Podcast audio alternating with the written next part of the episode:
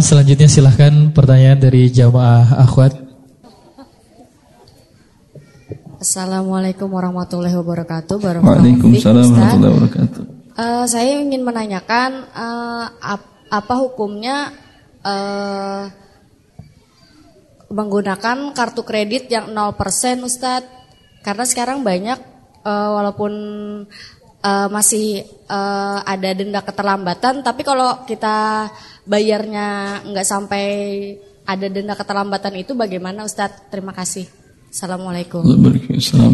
Kalau terlambat ada dendanya. Ibu? Iya Ustadz. Kalau riba terlambat, sudah. Oh. Haram memberikan kartunya. Tadi kan ada yang kartu saya bilang tanpa ada denda keterlambatan. Memang tidak ada perjanjian denda keterlambatan. Baik. Kalau itu butuh. Kalau tidak butuh, ngapain Anda ngambil kartu hutang? Ya. Karena dibolehkan berhutang itu dengan dua syarat. Pertama, butuh kemudian mampu membayar. Bila tidak terpenuhi dua syarat ini, berdosa Anda berhutang. Baik. Ya, uh, silahkan kita kembali ke jamaah ikhwan untuk mengajukan pertanyaan. Assalamualaikum Pak Ustaz. Assalamualaikum warahmatullahi Nama saya Ikhlas Pak Ustaz. Ikhlas, ikhlas. Pak Ustaz, saya mau bertanya untuk masalah investasi. Masalah? Investasi Pak. Investasi silahkan. Jadi begini Pak, saya ini kan bekerja di kontraktor Pak. Ya. Kadang-kadang kebetulan kita karyawan atau milik sendiri. Milik sendiri Pak. Masya Allah, bukan bekerja di kontraktor. Bukan. Punya usaha kontraktor. Iya. Alhamdulillah. Kadang-kadang kita perlu tambahan modal Pak Ustadz. Kadang perlu tambahan modal. Perlu tambahan modal. Nah tambahan modal tersebut biasanya kita pinjam dari teman-teman. Pinjam. Pinjam. Ah. Pinjam dengan uh, bagi hasil Pak Ustadz. Kalau pinjam tidak ada bagi hasilnya, ada bagi riba. uh, Tapi kalau bagi hasil investasi namanya. Oh iya, investasi berarti. Bila rugi dia terkena rugi juga. Alhamdulillah sih belum pernah rugi. Betul belum pernah rugi, tetapi perjanjiannya uh, belum sempat sampai ke situ Pak Ustaz. Harus disampaikan. Jangan enaknya aja Anda ngomongin. Bila Anda bilang kita bagi hasil sekian-sekian, tidak pernah di ngomongin permasalahan permasalahan bagi rugi, maka akadnya berubah menjadi kot. Karena biasanya yang menggunakan dia yang jamin. Paham? Paham.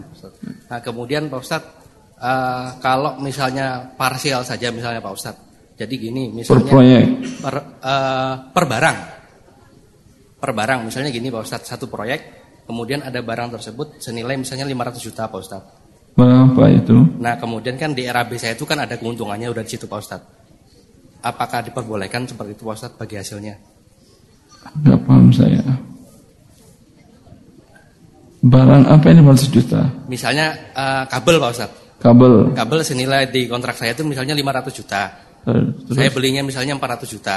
Ya udah suruh dia beli tunai, Anda dapat barangnya, Anda bayar ke dia nyicil lebih mahal.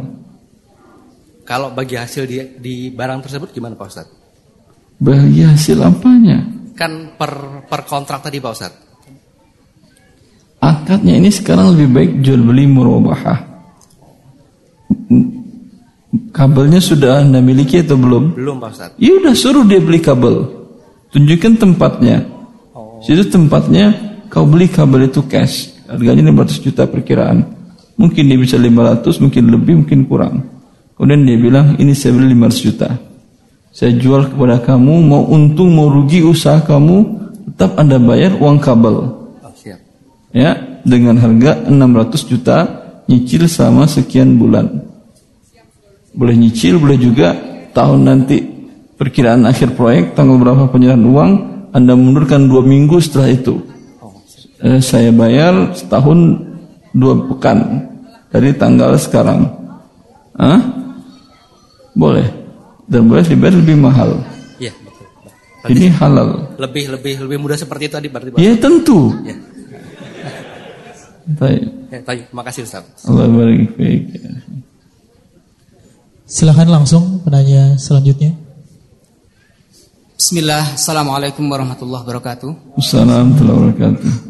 Uh, saya menyampaikan pertanyaan yang merupakan pertanyaan titipan dari kerabat saya. Ada dua pertanyaan Ustaz. Yang pertama, eh, Boleh dua tentang menit ya. Cukup praktek. satu aja Pak ya. Pilih yang paling penting, Pak. Ya. Dua-duanya penting Ustaz.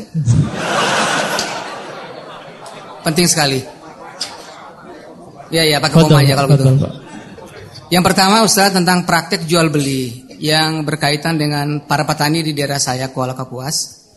Itu biasanya kalau musim panen itu mereka menjualkan gabah mereka kepada para tengkulak.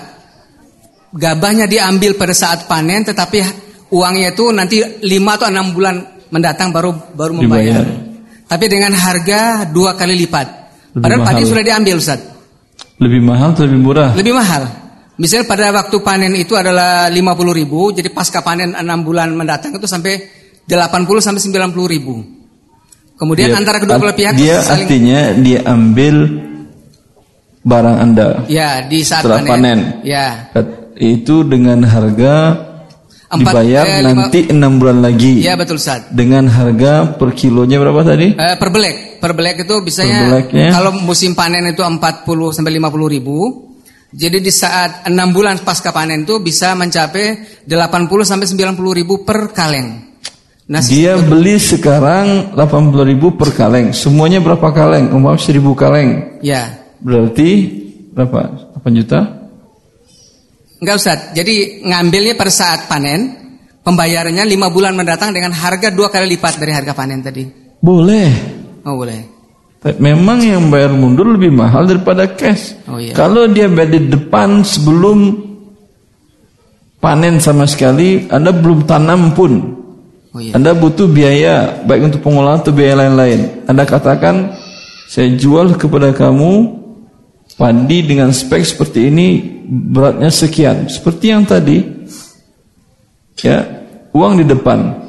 Kalau biasanya harga cashnya barang ada, uang ada, mungkin umpamanya sekitar 30 juta.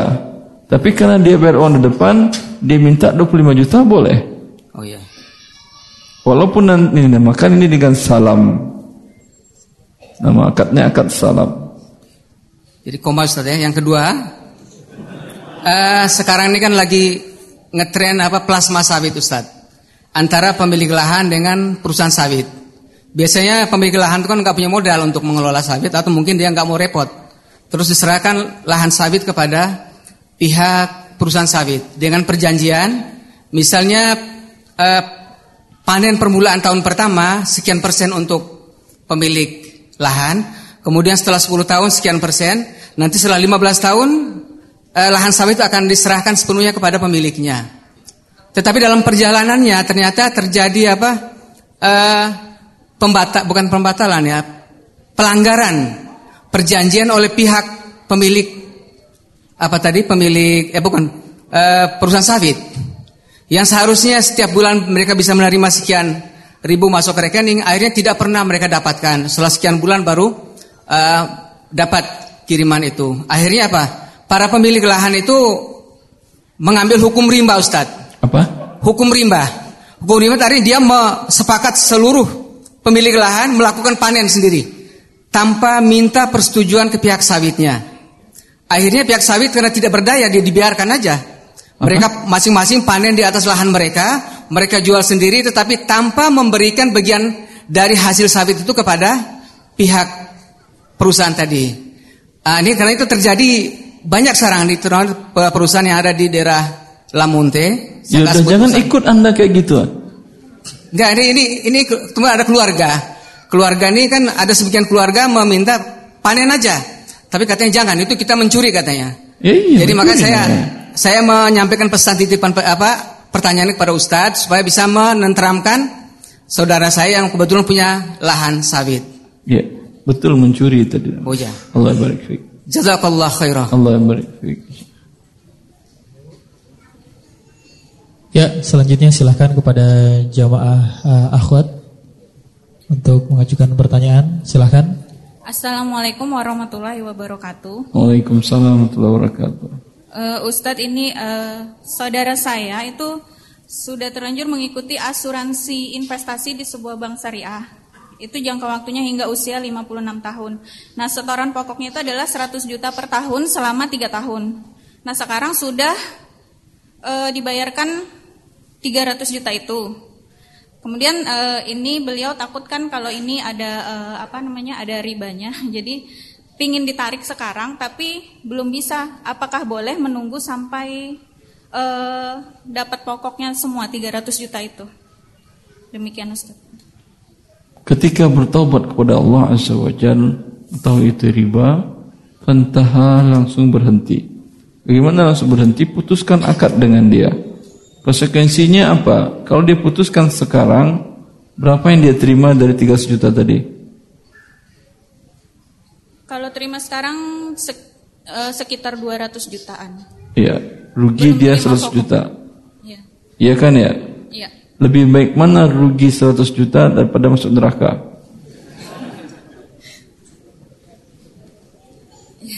Karena janji dari Allah, "Waman 'ada faulaika ashabun nar." Siapa yang datang kepadanya peringatan Allah bahwa Allah mengharamkan riba, dia berhenti. Yang telah berlalu dimaafkan oleh Allah. Tapi bila dia terus Waman 'ada siapa yang kembali melakukannya, maka Allah mengatakan wa ulaika ashabun nar. Mereka adalah orang yang kekal di dalam neraka. Lebih baik rugi 100 juta daripada rugi selama-lamanya hidupnya. Baik. Ya, syukran Ustaz, jazakallah khairan. Allah barik fikum.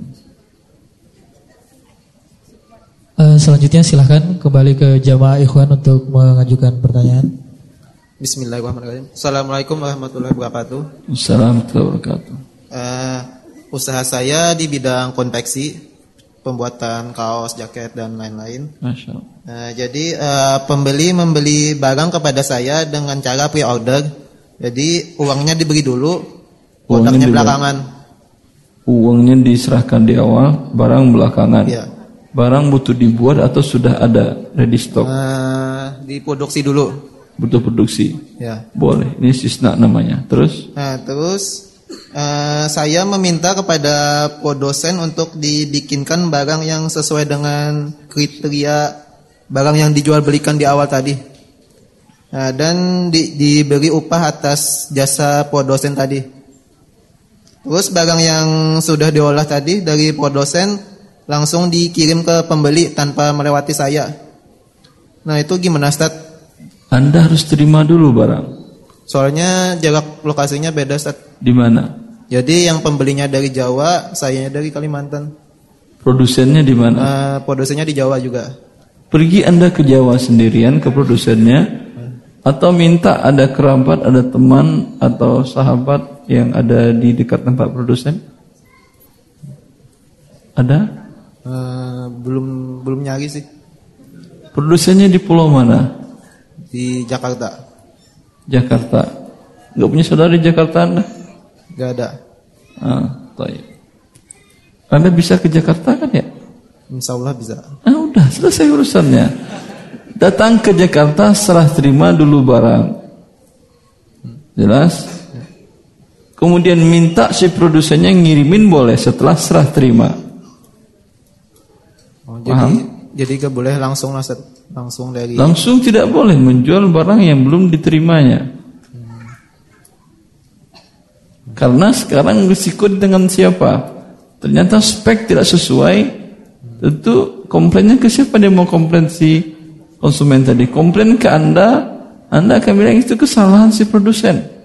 Tetapi ketika Anda yang melihat, Anda tahu ini ada kesalahan pada waktu itu, langsung Anda membuat tindakan.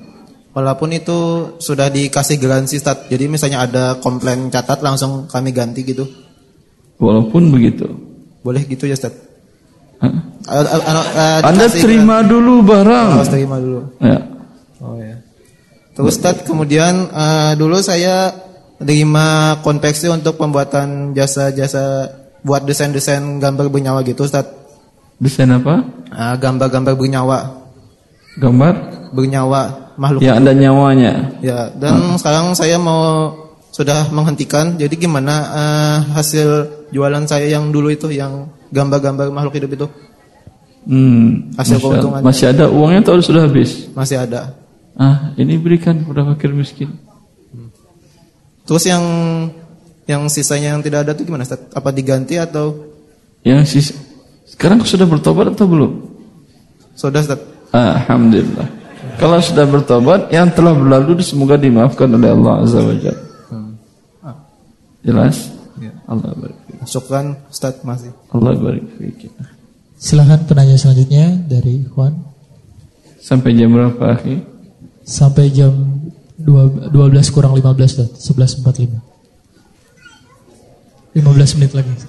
15 menit lagi terus. Assalamualaikum warahmatullahi wabarakatuh. Waalaikumsalam warahmatullahi wabarakatuh.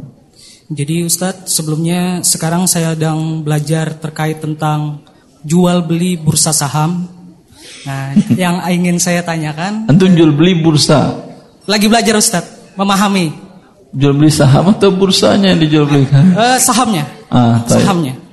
Jadi ada pertanyaan, jika aset perusahaan terdiri dari bermacam-macam barang, jasa, uang dan piutang, apakah boleh saya menjual saham perusahaan lebih dari 60% jika perusahaan memiliki asetnya tersebut 60% non barang, Non barang apa? Uang. termasuk cek uang 60%. 60% non barang. Anda menjual atau membeli? Ibaratnya, semisalnya saya yang membeli, Membeli.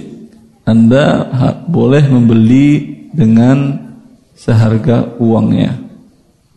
Berapa umpamanya aset realnya umpamanya uang dan barang tadi sekitar 100 juta. Dia tidak boleh menjual lebih atau kurang dari itu. Harus 100 juta. Kemudian yang kedua harus tunai. Apa arti tunai? Anda serahkan 100 juta, Anda terima. Mungkin nggak tunai di bursa? mungkin. Bukankah tiga hari settlement, tiga hari kerja? Hmm. Berapa hari settlementnya? Tiga hari kerja. Nggak ada yang mungkin ini uang, ini barang. Tidak ada. Hmm.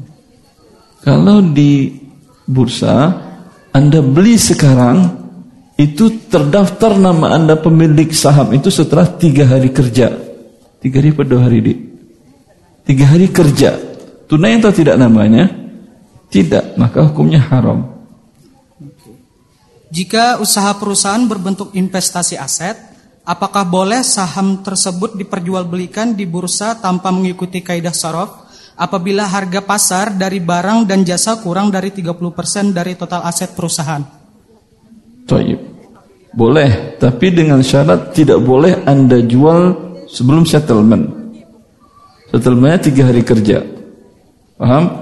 Anda beli pagi ini dengan harga 100 juta. Siang jam 12 siang harinya, hah? anggap jam 2 nanti siang naik harga menjadi 500 juta. Anda akan jual atau tidak? Jual. Haram.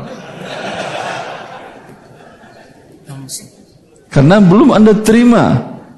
Settlementnya kan tiga hari kerja. Berarti ini hari apa? Kamis, Jumat, Sabtu libur, Minggu libur. Berarti Senin. Senin baru settlement. Selasa baru boleh Anda jual. Harganya mungkin sudah turun lagi.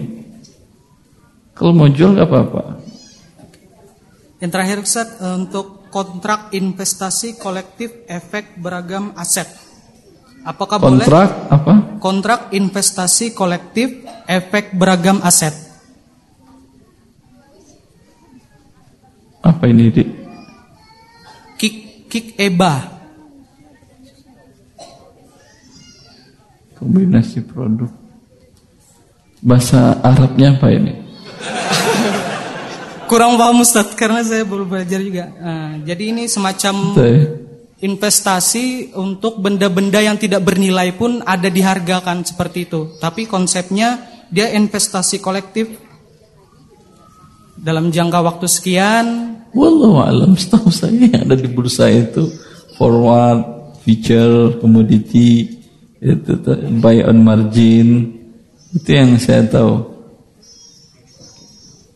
Atau Yang terakhir lagi Ustaz, Ya. penutup. mungkin cukup ya. Eh, mohon maaf ah, ah, nanti kita eh, di kesempatan selanjutnya soalnya kita masih ada penanya yang lain. Jazakallah khair. Terima kasih Ustaz. Terima kasih.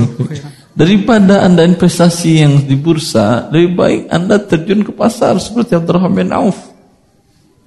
Dulu ni adalah suk, Tunjukin aku di mana pasar. Bukan dia menanyakan dulu nih lal bursah, tidak. Tunjukin aku di mana bursa, tidak. Ke pasar ya akhi, bukan ke bursa. Baik. Silahkan uh, penanya selanjutnya dari dari akhwat ya, silahkan. Tafadhal dari akhwat. Assalamualaikum warahmatullahi wabarakatuh. Waalaikumsalam. Barakallahu fiik Ustaz. Allah barik fiik Ibu. Uh, yang ingin saya tanyakan yaitu bagaimana hukumnya belanja online soft yang menjual barang tapi hanya sebagai perantara antara penjual dan pembeli. Contohnya Tokopedia. Uh, demikian pertanyaan saya yang selanjutnya, uh, bagaimana hukumnya Pak Ustadz apabila kita bekerja di suatu perusahaan dan mendapatkan honor tetapi kita tidak bisa langsung menerima honor tersebut? Ada teman yang mengambilkan setelah itu uh, dia menyerahkan ke kita kita berikan uh, uang terima kasih. Seperti ah, apa enggak hukum? paham saya. Yang pertama tadi uh, seperti ini yang kedua. Kita mendapatkan honor. Honor uh, dari honor. Dari dari perusahaan dari perusahaan umpamanya uang lembur seperti itu. Terus. Uh, jadi kita tidak bisa langsung mengambil uh, mengambil sendiri karena ada kesibukan. Setelah itu ada teman yang boleh mewakilkan mengambil. Dia yeah. menyerahkan ke kita. Setelah itu uh, kita uh, memberikan sedikit ucapan terima kasih dari boleh. sedikit boleh ya Pak Ustaz. Boleh. Dengan memberikan uang tersebut dari uang honor tersebut uh, kepada teman kita tadi boleh seperti itu Pak Ustaz. Boleh. Oh boleh ya. Pertanyaan pertama tadi Pak Ustadz. Yang Tokopedia tadi. Iya betul. Ah, tadi. Wallah ta'alam. Ya. Di Tokopedia dan flash market yang lain yang disediakan di online, mereka minta fee atau tidak? Tidak. Tidak. Dari mana mereka dapatkan uang? Uh, jadi seperti ini, kita kan uh, membeli barang dari. Pertanyaan saya paham, dari mana Tokopedia dapat uang?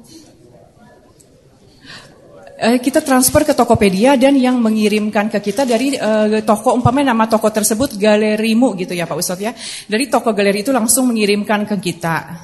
Nah, tetapi uang yang kita transferkan ke Tokopedia, seperti apa hukum? Saya paham. Pertanyaan saya dari mana dia dapat uang? Kan nggak ada bayar sewa tempat nggak ada. Ya itu jadi pertanyaan kita Pak Ustadz. Uh, mohon pencerahannya. Wallah taala alam.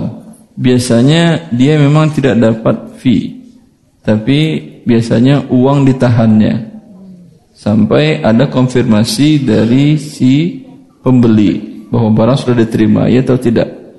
Ternyata konfirmasinya dua minggu, Berarti uang di tangannya selama dua minggu. Jangankan dua minggu, sehari uang di tangan dia. Itu di mana? Di rekening atau di dalam dompet?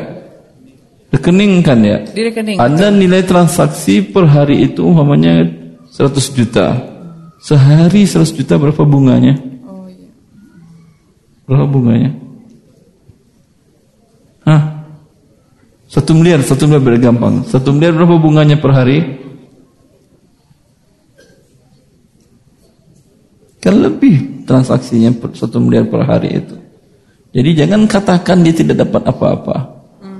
Dia dapat dari menahan uang tadi, dapat dia bunga. Hah? Wallah ta'ala alam. Lebih baik Anda dengan dia jaga bayar fee. Kalau bayar fee boleh. Itu saya jual sekian. Setiap yang terjual Anda dapat 3% halal.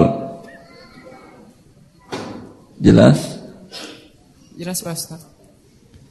Cukup itunya, akhi.